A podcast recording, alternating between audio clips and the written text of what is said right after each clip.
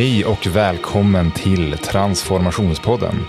Idag ska jag, Per Lundgren, Tobias Eklund och Johan Lager prata om affärsvärdet av att jobba med design. Nu kör vi! Välkomna till Transformationspodden Tobias och Johan. Tack så mycket Per. Tackar, tackar. Hur står det till med er idag? Lite trött i mössan nu efter att ha suttit i det här rummet en, en hel dag. Men eh, annars är det bra. Mm. Mm, det är lite samma här. Precis, vi sitter ju tillsammans uppe i Skellefteå och har workshoppat hela dagen. Och nu ska vi prata om affärsvärdet av, av design. Precis, det ska bli kul. Eh, intressant område. Innan vi börjar skulle jag vilja fråga dig Per om eh, vad du har ägnat dig åt. För det tycker jag är intressant och det vill jag dela, att vi delar med oss av också. Mm. Lite projekt som du har haft på sidan om här. Jag tänker på att du syftar på de insiktsintervjuer som jag har gjort med ja, människor som kanske lyssnar på den här podden. Folk som tar del av vårt innehåll på något sätt. Precis, vi ska ju leva som vi lär är tanken. Mm. Så att, eh, ja, du har intervjuat ett antal av våra lyssnare och kunder och så för att förstå. För att vi ska förstå deras behov ännu bättre. Berätta lite kort. Precis. Ja, men det har ju varit väldigt intressant att få ringa upp och prata och förstå djupare. Det skapar ju en, en empati för dem man försöker göra bra saker för. Och någonstans har väl ja, men insikterna för mig hittills varit att människor är ganska osäkra i den här eh, tiden som präglas av förändring. Man vet inte hur man riktigt börjar, man vet inte riktigt hur man ska göra. Man, man söker konkret stöd och konkreta råd. Mm. Och ganska mycket press uppifrån. Och det kan leda till att man gör en massa saker och inte riktigt vet hur man ska förvalta resultatet. Så det känns ändå som att det vi gör här behövs. Instämmer, det var rätt, rätt intressant. Just, och just det här, det, det, som jag tog med mig var väl liksom här, ju mer handfast och konkret eh, konkreta tips och liksom så här, jag brukar kalla det ledstänger, en ledstång att hålla sig i denna mm. skakiga värld. Ju, mer, ju, ju, bättre vi kan erbjuda det, eh, desto större värde för, för våra kunder. Mm. Det, ja, det, känns som, det känns kul, kul att läsa. Eh, alltid, all, och alltid intressant att ta sig tiden och lyssna på sina kunder. Någonting som jag tycker alla organisationer borde göra mycket mer. Verkligen, verkligen. Mm. Eh, jag tänkte så här att nu ska vi börja prata om en, en rapport som har fått ganska mycket uppmärksamhet. Den släpptes i oktober 2018, mm. alltså drygt ett år sedan när vi spelade in det här. Av ja, McKinsey Company är ju det är bekant för de flesta. Jag vet inte Tobias, du kanske vill, vill berätta kort vilka de är? Ja, äh, McKinsey är väl, är väl eh, managementkonsultbyråernas Rolls Royce mm. lite grann varumärkesmässigt. Så, eh, utifrån, jag tror aldrig jag har jobbat med dem specifikt själv men, men de har ju ett väldigt högt anseende eh, i, och eh, jobbar ju också med, med forskning och inte bara så att säga konsulting. Eh, och har funnits sedan 60-talet tror jag. Eh, och som du sa i oktober 2018 så släppte de den här, den här rapporten, The Business Value of Design. Exakt. Och det är ju den mest, eh, som jag tolkar det, omfattande och rigorösa studien av, av designhandlingar eller design actions som de säger. Som en ledare kan göra då på sitt företag eller sin organisation för att låsa upp konkreta affärsvärden. Och vi ska, ju, vi ska ju prata om design idag och vi ska prata om den här rapporten specifikt och varför varje ledare tycker vi det borde känna till den här rapporten samt hur man kan översätta resultatet som rapporten visar till, till offentlig sektor. För de flesta av våra lyssnare finns ju ändå där. Mm. Jag tänkte börja från början. För att, för att verkligen förstå det här så måste man ju börja prata om design. Mm. Och då tänkte jag vända mig till dig Johan Lager. Vad, vad är design så som vi mm. pratar om det? Vad är design denna lilla fråga som du ställer mig? Exakt, varsågod. Uh, uh, var ska man börja någonstans? Uh, jag kan börja med att berätta, vi har ju en eh, väldigt bra artikel som blivit eh, uppskattad och mm, klickad på eh, otaliga gånger som är Vad är tjänstedesign? Mm. Där man kan gå in lite djupare på och förstå alla begrepp. Design är ju ingenting nytt direkt. Det finns ju i, i allting egentligen. Eh, men när vi pratar om, om design brukar vi då använda termen tjänstedesign och det beror på att eftersom vi då är i en transformationspodd, digital transformation, så är det just att det är just begreppet design har eh, expanderat och blivit väldigt, väldigt aktuell på grund av digitaliseringen. Och för att då citera kanske lite blir lite en klyscha då att eh, i den här podden citera Steve Jobs. Men jag tror ingen har gjort det. Johan. Ingen som har gjort det innan. Premiär. Eh, premiär för ett Steve Jobs-citat här då. Men han säger ju design is not how things looks, eh, things looks but rather how things work. Just det. Och jag tycker det är ganska bra att eh, naturligtvis finns det design i det vi ser och tittar på. Men, men det handlar väldigt mycket om hur det fungerar. Eh, och bra design, då är, det, då är det någonting som fungerar bra. Och just design kan man ju prata om både produkter och tjänster. Och för att göra en väldigt enkelt eh, exempel på det så är om man beställer hem en produkt så är allting runt omkring den här beställningen en tjänst. Hur du betalar, hur du eh, beställer den, hur den fraktas, hur den paketeras eh, och hur du sen kan få service kring produkten. Om du behöver ringa ett, ett samtal om det är någonting som gått fel och så vidare. Allting runt omkring ska man säga är, är tjänst det som har hänt med digitaliseringen är att många företag har gjort om sin affärsmodell till att bli mer tjänsteinriktade än fokusera på produkter. Um, Om vi tar Netflix till exempel. Hade en modell där du beställde hem fysiska DVD-skivor. Och, och du hade kanske ett par filmer i månaden för, en viss, eh, pri, för ett visst pris som du kunde titta på. Eh, och när de ställde om så kan man ju nu idag, det skulle vara helt tokigt att tänka att jag bara får titta på tre filmer i månaden om jag prenumererar, har en, ett abonnemang så att säga på, på Netflix. Så där har du alltså eh, gjort allting digitalt och du har också eh, paketerat det i en, i en tjänst som fungerar på olika sätt och vis, som är enkel att använda och där utbudet av det du tidigare eh, beställde hem som någonting fysiskt är i princip, inte oändligt men nära på. Så effekten av design är Netflix bland annat. Alltså riktigt bra tjänster. Ja, man, det är väl upp till var och en att säga om man tycker att, att Netflix är en bra tjänst. Men det är i alla fall en, eh, ett, ett sätt att förklara hur eh, digitalisering och eh, tjänstedesign tillsammans har skapat en ny typ av affärsmodell för många företag. Och eh, man kan också säga att design är ett sätt att koppla ihop kreativitet på olika sätt och vis eh, och problemlösning med eh, det eh, som sen blir innovation. Och innovation är ju ett annat ämne som vi brukar prata mycket om, eller innovationsmetodik. Mm. Jag tänker att om man vill, jag tycker att man ska gå in och läsa vårt, vår artikel på, på hellofuture.se om just tjänstedesign. Den, den är bra och pedagogisk. Jag tänkte att vi skulle backa tillbaka till, till själva rapporten här från McKinsey och då, så här, vad är det de har tittat på? Vad ligger bakom den här rapporten? Ja, för det första en, väldigt gedigen eh, rapport. Eh, man har tittat på ungefär 300 börsintroducerade eh, bolag. Och Anledningen till att man har valt börsintroducerade bolag är att man har haft tillgång till väldigt mycket ekonomisk data.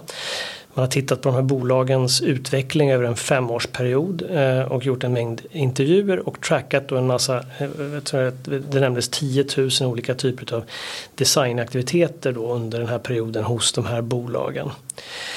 Så man har gjort någon sorts regressionsanalys av det här och då baserat på det tydligt kunna klustra eh, 12 övergripande aktivitetsslag som man då ytterligare då för att förenkla klustrat till fyra bredare teman som vi kommer gå igenom lite senare. För att då kunna se hur arbetet, det här designrelaterade arbetet då korrelerar med, med eh, den ekonomiska utvecklingen hos bolagen.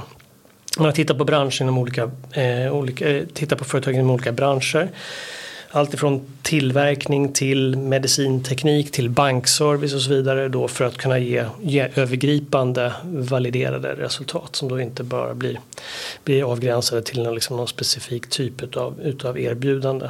Utan det har handlat om fysiska varor och digitala produkter och, och tjänster och så vidare och, och också då, det vanliga idag är ju liksom att man kombinerar det i någon sorts eh, någon sorts leverans. Eh, och det, det som då den här rapporten så tydligt visar eh, är ju då sambandet mellan affärsmässig framgång och då att man har ett gediget designarbete. Och för att då dra den här, det finns, det finns mycket, mycket, mycket siffror att titta på i den här rapporten men, men man kan då generalisera och säga att för de företag som gör det här på ett bra sätt, alltså de som är duktiga på designarbete, de ger alltså en dubbelt så hög vinsttillväxt som övriga bolag. Och en dubbelt så stor avkastning eller utdelning till sina mm. ägare. Så det är liksom ganska så markant skillnad eh, att gå från då kanske en, vinst, en vinsttillväxt som är normal på någonstans mellan 3 till 6 procent per år till 10 procent per år. Så att eh, utifrån, bara utifrån det så, så, visar ju då dels så att säga, omfattningen av studien men också resultaten att det här är verkligen någonting som man måste ta på allvar. Mm. Och sen har de ju tagit fram då för precis det här resultatet är ju tydligt. Det är inte alltid man får fram tydliga resultat av, av, av studier, men det här är ju verkligen tydligt. Och de har tagit fram någonting som heter McKinsey Design Index. Eh, Precis. som då ska hjälpa, antar jag, organisationer att, att efterleva det man, har, det man kan lära sig av rapporten. Exakt, man, man kan titta på rapporten och, och uh, ransaka sig själv och förstå så att säga vad gör vi eller vad gör vi inte snarare då i förhållande till de här de, de eh, högpresterande bolagen. Eh, och också då se, kan man då med hjälp av det här indexen se då hur, hur det är ihoplänkat med, med varje företags eh, finansiella utveckling. Eh, och sen så är det tydligt då också att i, i, om, i med den här klustringen och vad som blir väldigt tydligt när man kopplar det samman med siffror är att det är den toppkvartilen, alltså de topp 25 procenten, de, de, de 25 procent utav företagen som är bäst på det här som verkligen får den här utväxlingen vilket också då ger ger resultatet att, att, man måste jobba med det här långsiktigt och strategiskt och liksom djupt i, i uh, företagets DNA för att det verkligen ska ge utväxling. Det hjälper inte att liksom bara mm. finputsa lite grann eller sminka grisen utan man måste göra det ordentligt. Uh, för att då komma upp i de här topp 25 procenten som då får avkastningen. Så att bara jobba lite med design räcker inte utan det måste, det måste göras uh, ganska så genomgripande. Mm. Vad är det då som, som utgör ett bra designarbete enligt den här rapporten? Ja, McKinsey listar fyra större områden eh, som det här då indexet kan delas upp i. Och eh, om vi då snabbt går igenom de fyra områdena så, så det första är att, att man mäter eh, löpande så att säga designprestanda med, med samma noggrannhet som man har andra typer av KPI. Alltså att man, man från ledarskapet lägger på ett, ett, analytiskt perspektiv så att man, så att man då, eh, ja, man brukar säga what gets measured gets done. Mm. Men att man verkligen då skapar, skapar mätpunkter så att man kan följa det här över tid för att se då var man är dålig och var man är bra. Eh, att man har en tydlig användarcentrerad strategi och att man, att man eh, har också ordentlig designkunskap på det som på engelska kallas C-suite, alltså på ledningsgruppsnivå. Att, den, att kunskap om det här området finns representerat även, även där och inte bara längre ner i organisationen. Eh, och att man då mäter och sätter upp KPI för designinsatser och det kan ju vara exempel på det. Eh, till exempel eh, att man, att man tittar på löpande på de kundresor som, som eh, ens kunder gör. Kundresor alltså att man visuellt mappar ut alla interaktioner som en kund har under en, liksom en, en tjänst, eh, tjänsteleverans då. Eh, och då kan man ju då mappa utifrån till exempel eh, antalet interaktioner, hur lång tid det tar för en kund att få bli kund eller att få beställa och, och se då löpande hur, hur de här mätetalen utvecklas. Eh, man kan också mäta någonting som heter Customer Effort Score eh, som handlar mer om att man liksom sätter upp vilket är ganska enkelt att göra i digitala kundflöden eh, men liksom självskattningsfrågor. Vi byggde till exempel när vi byggde en ansökningstjänst för en kommun så satte vi in en en slider, alltså man kan med liksom tummen i appen dra från bra till dåligt. Eh, att, att kunden då löpande kunde svara på, på frågan om, om, om då den här tjänsten gjorde det enkelt för ja, kunden eller medborgaren att lösa sin uppgift. När man har gått igenom säkerhetskontrollen på en flygplats. Ja, men, de där precis, det är väl ett, ett ja, väldigt enkelt. Men, men klart när du aggregerar ihop den datan då, då börjar du skaffa, skaffa mönster. Mm. Eh, som du då kan börja börja utvärdera din verksamhet och löpande göra den bättre. Och se då, okej okay, om, vi, om vi ändrar på det här, vad händer då med våra, med våra, eh, våra mätetal? Då? Eh, så att, så att eh, det är liksom några exempel på ändå vad man kan göra som organisation eh, för att då börja, börja mäta designinsatser. Vilket då är en väldigt, väldigt tydlig. Gör man inte det överhuvudtaget då har man inte en chans att jobba på ett bra sätt med design. Så kan man säga. Mm. Så första är analytisk ledarskap. Ja. Vad har vi för, för den andra kategorin? Den andra kategorin kallar de user experience. Och eh, det är mycket i det begreppet också. Men eh, det man ser hos de eh, bolag som har presterat riktigt bra. Det är att man inte tittar på man isolerar inte designarbetet till exempelvis hur väl är vår hemsida designad eller hur väl funkar den. Utan det är, man tittar på allting i, i verksamheten. Så att om man säger att det är liksom både fysiskt, digital och service. Lite det som eh, eh, jag, jag nämnde här i början. Så att eh, det, det första för att kunna göra riktigt bra eh, UX det är att, eh, då, att förstå användaren. Vi är tillbaka där igen. Eh, att förstå de verkliga behoven och sen försöka se att eh, för att vi ska göra en så bra upplevelse som möjligt, att det här ska vara Eh, att det ska funka så bra som möjligt, tillbaks till, till Steve Jobs lite grann, så måste vi ta alla aspekter med i den ekvationen. Och, eh, jag tar ett exempel på, eh, jag checkade in här på ett hotell här i Skellefteå igår. Och om man tänker på hotell som, som eh, det är ju en, en service så eh, är ju bokningen digital. Det finns ju olika typer av interaktioner man kan ha med ett, med ett hotell. Eh, Innan, under och efter eh, via sin, sin telefon eller sin dator.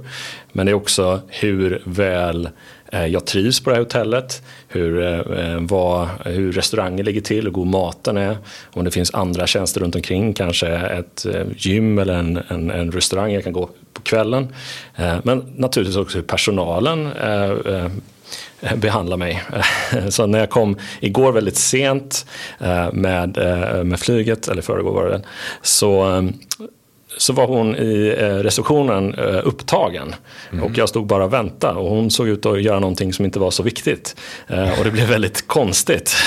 Och den, den typen av upplevelse gör ju att mycket annat av det jag kommer ihåg från att mm. jag gjorde det här hotellbesöket eh, kanske var så här, ja men de var inte så uppmärksamma på mig. Um, och för att knyta ihop den här säcken så är det det att um, du behöver tänka på alla alla plan i, i vad din kund upplever av uh, designen. Uh, och uh, har man jobbat igenom det på djupet då ger det också helt andra typer av resultat. Helt enkelt. Det låter ju som att det är lite otacksamt nästan att vara tjänsteleverantör. Jag läste någon gång att en negativ kundupplevelse, du behöver tolv positiva för att väga upp den så att det blir en neutral upplevelse. Precis. Eh, Okej, okay. så andra kategorin är det här med användarupplevelse eller user experience. Eh, tredje kategorin. Ja, det går lite hand i, hand i hand med det. Det handlar om att, att verkligen se designarbete som tvärfunktionellt. Eh, att göra användarcentrerad design till allas ansvar. Alla i organisationen måste tänka på det här. Det går liksom inte att ha en avgränsad avdelning som är designavdelningen som ska mm. se över allt, som äga frågan med design. Utan det. det. måste verkligen in i företagets DNA. Alla måste tänka kund, kundresa och så vidare. Ja. Det, det, det, räcker inte. Det, är, alltså, det är lite när Johan pratar här. Din kundresa går ju igenom säkert en massa silos hos det här hotellet som de inte mm. riktigt har tänkt på. Absolut. Mm. Och jag, jag, tänker på, apropå, nu, nu sitter man ju, det är klart en ganska knepig situation när man bokar i hotell så är det väldigt sällan jag vänder mig direkt också till hotellets mm. hemsida. Det händer ju aldrig att jag ringer till ett hotell men, men nu bokar man ju också via via tredjepartslösningar mm. väldigt ofta. Eh, mm. Olika som gör reklam mer eller mindre bra på tv och sådär. Så att, så att man äger ju inte man äger ju inte heller hela kundresan vilket ju är ganska, ganska läskigt. Eh, det är väl ingenting som offentlig sektor är med om ännu kanske men, men eh, det, det, kan hända. Det, det skulle jag nog säga att eh, det är för att om man tänker på det man då inom offentlig sektor fokuserar ganska mycket på nu är ju livshändelser. Eh, till exempel om man går i pension eller man startar ett företag eller man ska få barn i familjen. Så är det många olika funktioner i samhället som, behöver, som man behöver kontakt med. Och då tittar man på, ska vi verkligen göra de bästa eh, upplevelserna, eh, tjänsteupplevelserna för medborgarna så måste de här olika funktionerna synkroniseras ihop. Så det här tvärfunktionella perspektivet som de pratar om också i rapporten handlar ju om att ha goda så att säga, lösningar som, som jackar in med, med andra typer av leverantörer. Mm. Eh, och att man blir beroende av dem för att skapa den här helhetsupplevelsen. Och de är då väldigt duktiga på den typen av samarbeten eller typ affärsmodeller. Helt enkelt. Och om vi har någon som sitter ute och funderar på att skola om sig så, så kan ju ge tipset då, alltså om man, om man tittar på vi tror ju att behovet av designers generellt kommer att öka men, men särskilt den typen, liksom, man brukar kalla det T-formade designers. Det vill säga som har en djup kunskap om designmetodik, eh, olika verktyg och metoder man kan använda men som också har en bred syn på verksamheten eller affären. Mm. Eh, det, det, den typen av kompetens kommer att vara oerhört efterfrågad.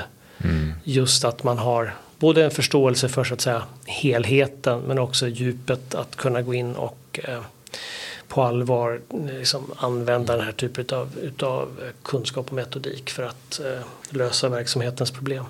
Så att eh, T-formade designers, där har ni... Eh, Flera av dem. Där, där, ja, det, det kommer vi behöva många av i framtiden.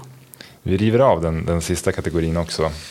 Ja, lite, lite, kort så handlar den om, om att aldrig egentligen bli klar med den, den fast, faktiska leveransen. Vi har pratat eh, tidigare också i, i podden om att man måste ut och testa med användaren. Och det man har, har sett hos de företag som inte riktigt presterar så bra i det här indexet att de, de, de gör det alldeles för sent. Det är för, för, de gör tester men det är mycket interna tester och sen gör de det när man kommit alldeles för långt ut i produktion.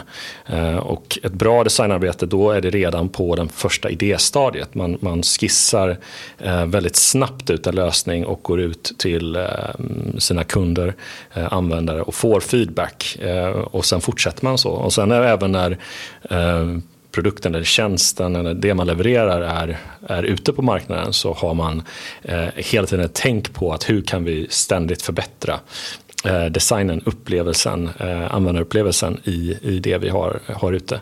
Eh, så att det, det är en, jag hörde det ut, uttrycket eh, um, always beta eller något liknande för Just många år sedan. Och det, är det, här, mm. det är ett mindset som man har när det gäller eh, design och, och digitalisering. Att, att uh, det är bara så bra som det är uh, ja, idag, men imorgon så kanske beteenden eller behoven hos användarna kommer förändras och då, då måste vi ha med det i beräkningen hela tiden.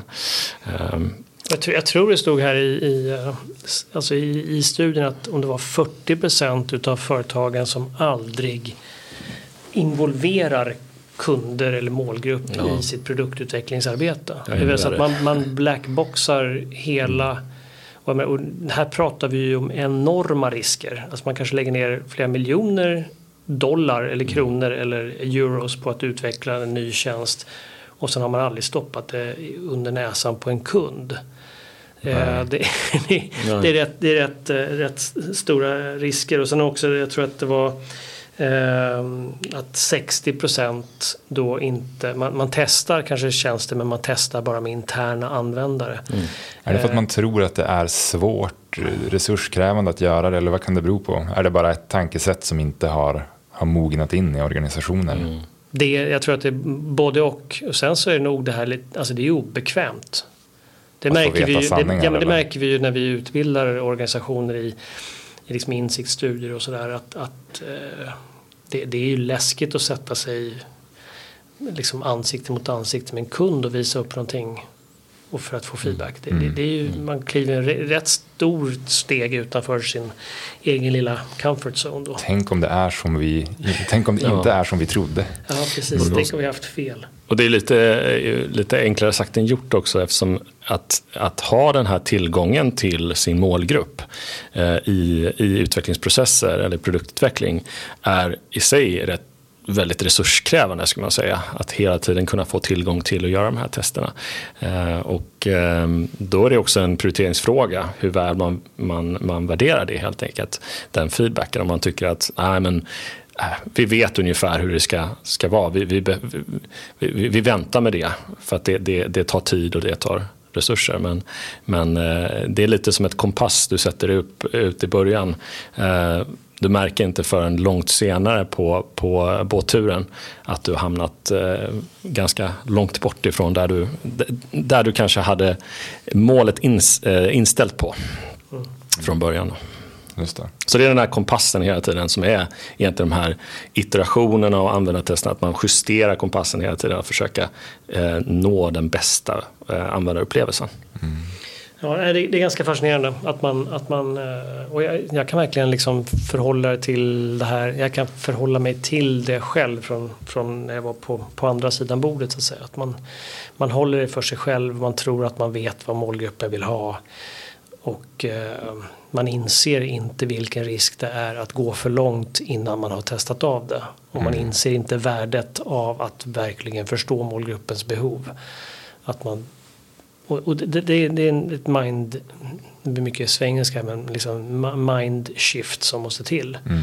Mindset eh, förändring. Att det, det är, eh, det är för, risken är ju ännu större. Alltså ju, ju längre vi har investerat i någonting och sen så märker att det, det blir pannkaka. Då, då, då kan det ju verkligen kosta. Ja, så att, eh, nej, ständig, all, aldrig, en produkt är aldrig klar och ständigt iterera. Och tycker man att de här fyra kategorierna verkar som mycket hassel så kan man ju komma ihåg det att bra design numera då belagt är lika med bra affärer. Absolut. Ja men exakt. Mm. Okej, okay, men våra, de flesta av våra lyssnare så vitt vi vet. Vi har ju firat just nu 5000 spelningar. Det kanske man också ska uppmärksamma. Mm. mm. Jättekul att så många vill ta del av den här. Mm. De håller ju till inom offentlig sektor. På vilket sätt är det här relevant för offentlig sektor? För man tänker ju, i alla fall jag tänker ju automatiskt på, på privat sektor när jag hör det här med design, tjänstedesign. Mm. Många av exemplen kommer därifrån också.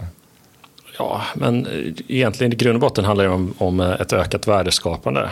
Och eh, man kan ju översätta det i att eh, vi har skattebetalare som betalar in pengar till staten för att man förväntar sig en typ av service och eh, eh ja, en, en, typ av eh, samhällsservice egentligen. För livskvalitet. De, ja, livskvalitet för de, de behov man har.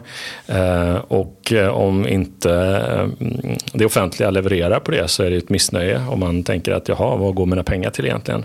Mm. och sen har vi också utmaningar i att vissa verksamheter eller kommuner får ett, ett mindre skatteunderlag. Så man måste måste använda kanske mindre resurser för att försöka uppehålla skapa som värde. Och ibland är det naturligtvis, behöver man ju mer eh, pengar in naturligtvis.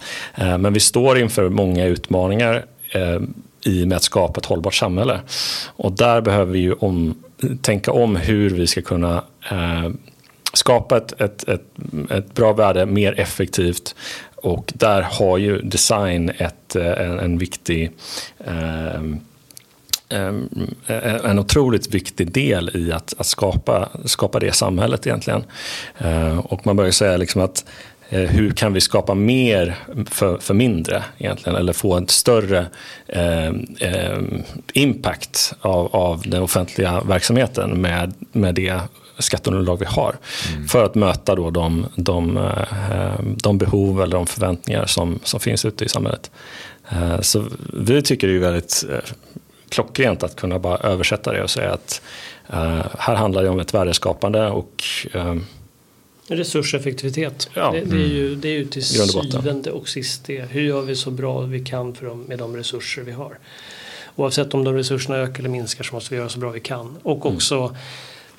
Vilket vi har pratat om förut och kommer fortsätta prata om. Alltså vår, digitaliseringen driver ju på våra krav. Mm. Tillbaka till ditt mm, exempel exakt. förut Johan med Netflix. Liksom att, att här, ja, beställa hem tre filmer i månaden. Liksom ett abonnemang. Det är de här tre filmerna jag får kolla på. Mm. Det skulle vi aldrig köpa idag. Det finns inte en chans. Utan vi, vi mm. förväntar oss ju att liksom, det måste finnas i alla fall 5000 filmer att välja mellan. Eh, och, och de här förväntningarna för vi ju över till det offentliga också. Ja, de stannar inte inom privat sektor. De stannar inte inom privata mm. tjänster. Utan det, det, det förs över eh, både i vår, vår liksom affärsmässiga eller vår yrkesroll och vår, vår privata roll. Så att, eh, det, det, är en, det är en ganska enkel, jag, jag skulle säga att det är svårt att slå bort värdet av den här typen av eh, mätning bara för att den är gjord i privat sektor. Mm. Eh, den, den, den, är fullt applicerbar tycker, tycker jag. Och, och, och, och speciellt också den här eh, definitionen vi har på, på tjänstedesign, eller det som rapporten pratar om, att ha ett väldigt starkt eh, användarfokus, och vilket skulle kunna översätta det till ett medborgarfokus. Och, och det ligger ju i samhällskontraktet egentligen, att eh, offentlig sektor ska bemöta, eh, jobba med, med medborgarnas behov eh, som nummer ett helt mm. enkelt. Um, så på det sättet är ju också mm, design ett, eh, ett självklart alternativ tycker vi till att eh, utveckla offentlig verksamhet. Naturligtvis. Mm. Med tanke på de här fyra områdena nu som vi har, som vi har pratat om, som McKinsey har målat upp här i rapporten. Hur, och det här var en fråga som återkom när jag ringde runt och gjorde insiktsstudien mm. för de som lyssnar på den här podden bland annat. Hur börjar man? Det är hela tiden det som folk liksom återkommer till. Okej, okay, jättebra, men hur börjar vi konkret? Hur gör vi? Ja, vad ska... ska jag, jag kan börja. För, för, eh, för det första, börja liksom lite avgränsat. Försök inte att bita av hela, hela tuggan med en gång. Eh, det blir nog, blir nog lite för stort och lite för svårt. Eh, så att, så att jag skulle säga så här att börja med att titta kanske då på en, en specifik produkt eller tjänst eller, eller tror att du brukar prata Johan om, om eh, livshändelse som är viktig mm. för, för eh, som just kan vara då väldigt viktig för er eller för er då era medborgare och använd den som en sorts liksom pilot. Eh, så väl, välj en avgränsad sak och, och, då, och baserat på det då börja, börja dela upp det här med, med hjälp av den här designmetodiken. Mm. Just det, ska man välja den, den viktigaste saken man har då eller ska man liksom välja något som kanske är lite på sidan av för att ha chansen att träna upp sig i de här förmågorna? Så väl, välj någonting som är, ja det ska vara viktigt för att annars blir det liksom inte, annars blir det inte på riktigt. Okay. Eh, men välj också någonting där ni tror att ni kan få stor impact. Alltså där, där det verkligen går att göra en skillnad. Mm. Och det tror jag att de flesta verksamheter kan sätta sig och liksom ransaka sig själva och inse att ja, men här har vi faktiskt någonting som har skavt lite för mycket, lite för länge. Det kan vara ett bra sätt att, att eh, fundera och välja. Så att mm. det kanske inte ska vara huvudprocessen, huvudtjänsten, men ta någonting som ändå är så pass viktigt så att det blir ett, ett eh, fokus och att man får, mm. får attention på det i organisationen. Ja, och tillbaks till det här att jag, eh, jag tror att, att överlag i offentlig sektor så tänker man medborgarna är, är först. Liksom det, det, det är det man utgår ifrån. Men man har svårt att omsätta den, den inställningen eller den prioriteten till, att, till ett görande. Det vill säga man kanske sitter på mycket insikter på medborgarnas behov men sen vet man inte riktigt ja, men hur, hur, hur går vi till lösningen. Eh, och det, det ena är att man kanske inte har tittat på behoven på djupet och man kanske inte fått in den eh, det mindsetet så att säga, över organisationen, att alla, alla tänker på det sättet, att vi alltid måste prata eh, med våra användare, vi måste, vi måste lyssna. Och sen det vi pratade om tidigare då, när vi börjar utveckla, när vi börjar ta fram eh, tjänster så vill vi eh, så tidigt som möjligt involvera medborgarna i den processen genom, genom diskussioner, samtal eh, och rena användartester då egentligen. Mm.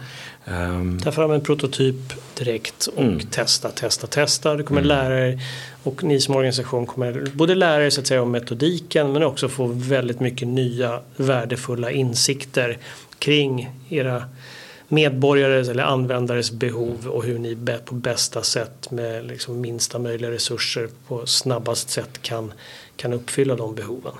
Mm. Sen, sen vet vi det att många av våra lyssnare har har ju kommit igång med det här arbetet, kanske jobbat med den här typen av metodik eh, kanske i flera år eller provat på, eh, haft in konsulter som oss i processen. Men också kanske ökat en viss frustration och känsla av det här vi kallar tomtebloss-effekten. Att det är någonting som sprakar till och eh, är bra och det är någonting som skapar energi. Eh, saker och ting blir bättre men sen fastnar det inte riktigt. Det, det dör ut lite grann. Det, det är ingenting som riktigt stannar. Eh, och, och hört många av de här historierna att när, när konsulterna, när expertisen försvinner bort då, då saktar det av. Och eh, den där utmaningen eh, vill ju gärna vi tackla och, eh, och se till att, att det blir ett, ett eh, mer hållbart eh, designarbete i offentlig sektor. Och, och eh, om man då pekar på kanske den här första, jag, jag tänker i alla fall på den här eh, första delen av, av, utav de här temana, det här med, med ledarskapet.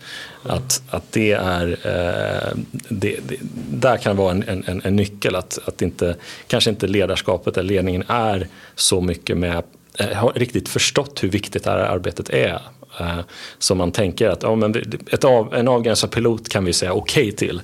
Eh, men, eh, men sen får vi se. Och det här, den här studien kan ju vara ett, ett, ett verktyg, lite mm. ammunition för er som sitter i organisationer och, och tycker att den här typen av frågor bör, bör prioriteras. Mm. Och sen är det just liksom, det, det, det, är en liten pusselbit men, men sen finns det hur mycket som helst. Och sen tillbaka till din insiktsstudie där Per som du har gjort bland våra lyssnare så tittar ju vi nu på hur vi ska kunna använda den här typen utav, utav eh, kunskap och insikt om vikten av designarbete för att hjälpa organisationer att så att säga självskatta dels vad de är och vad de behöver göra för att bli bättre på det här. Mm.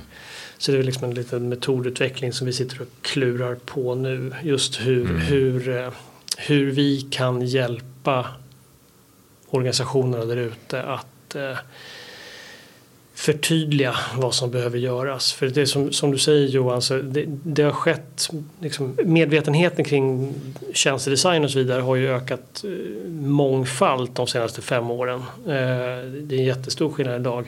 Men man är ändå inne bara och skrapar lite för lätt på det. Det finns så att säga kanske inte då i alla fall en, en, en strategisk tyngd i frågan. Eh, vilket då faktiskt är det som behövs visar den här studien väldigt tydligt. Det kanske är en klen tröst men ändå att det är ju inte som den här studien säger, det är ju inte så många utav företagen som verkligen har tagit det där klivet. Eh, Eh, Nej, det är ett jättenytt så att vi, vi, fält. De flesta sitter i samma båt så att säga.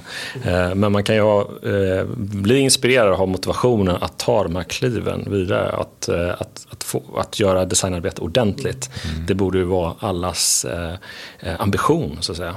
Ja, ja. Nu, nu, finns det data på det och det finns ju också, jag menar, Exakt ja, som Johan sa, de flesta organisationer är inte bra på det. Och, eh, men, men de organisationer som är bra på det är ju organisationer som vi alla känner till idag. Mm. mm. Oavsett i princip var du sätter dig i världen så känner du till dem. Det, det, är en handfull organisationer som är väldigt, väldigt duktiga på det här och som har det här i djupt mm. rotat i deras DNA. Och det säger väl kanske hur, hur svårt det faktiskt är. Ja. Mm. Med det så har vi börjat nå den så kallade vägs änden på det här avsnittet. Eh, om du Tobias ska få ge en kort och kärnfull sammanfattning av vad vi har lärt oss idag utifrån Mackenzies studie om affärsvärde kopplat till design. Vad, vad, ska man ta med sig? Man ska ta med sig att nu finns det svart på vitt att, att eh, strategiskt förankrat designarbete ger avkastning. Eh, alltså det, det, ger en, ett, det är ett verktyg för att göra det man gör på ett mer effektivt sätt. Oavsett vad man gör. Man, man eh, kan bemöta kund, kundernas behov på ett mycket, mycket bättre sätt vilket, eh, och ett mer resurseffektivt sätt. Och så finns det då massor med kunskap och jag rekommenderar verkligen folk som är intresserade av frågan att, att titta närmare på den här rapporten. Men just hur man ska, man, man ska börja mäta och hur man ska se så att säga kund, kundernas eh, resa eh, som, som en helhet och inte så att säga se det som en avgränsad något avgränsat gränssnitt i en app utan att, att ha en förståelse för helheten, att se till att kunskaper om det här finns i hela organisationen och inte avgränsat hos några designers som sitter på våning tre. Mm. Eh, och att det här är ett arbete som är som, måste, som, som är ständigt pågående. Det finns ingen början och slut utan man måste plocka in kund, kundens behov löpande i allt man gör och att göra det så att säga ordentligt och som återigen då löpande. Och det är ju tillbaka till att vi som medborgare och kunder, våra behov står ju inte stilla. Mina behov idag ser helt annorlunda ut än för fem år sedan. Eller mina förväntningar på, mm. på min kommun ser helt annorlunda ut idag för fem år sedan. Och de kommer se annorlunda ut om två år igen. För att mina beteenden i övriga, i övriga kanaler så att säga förändras.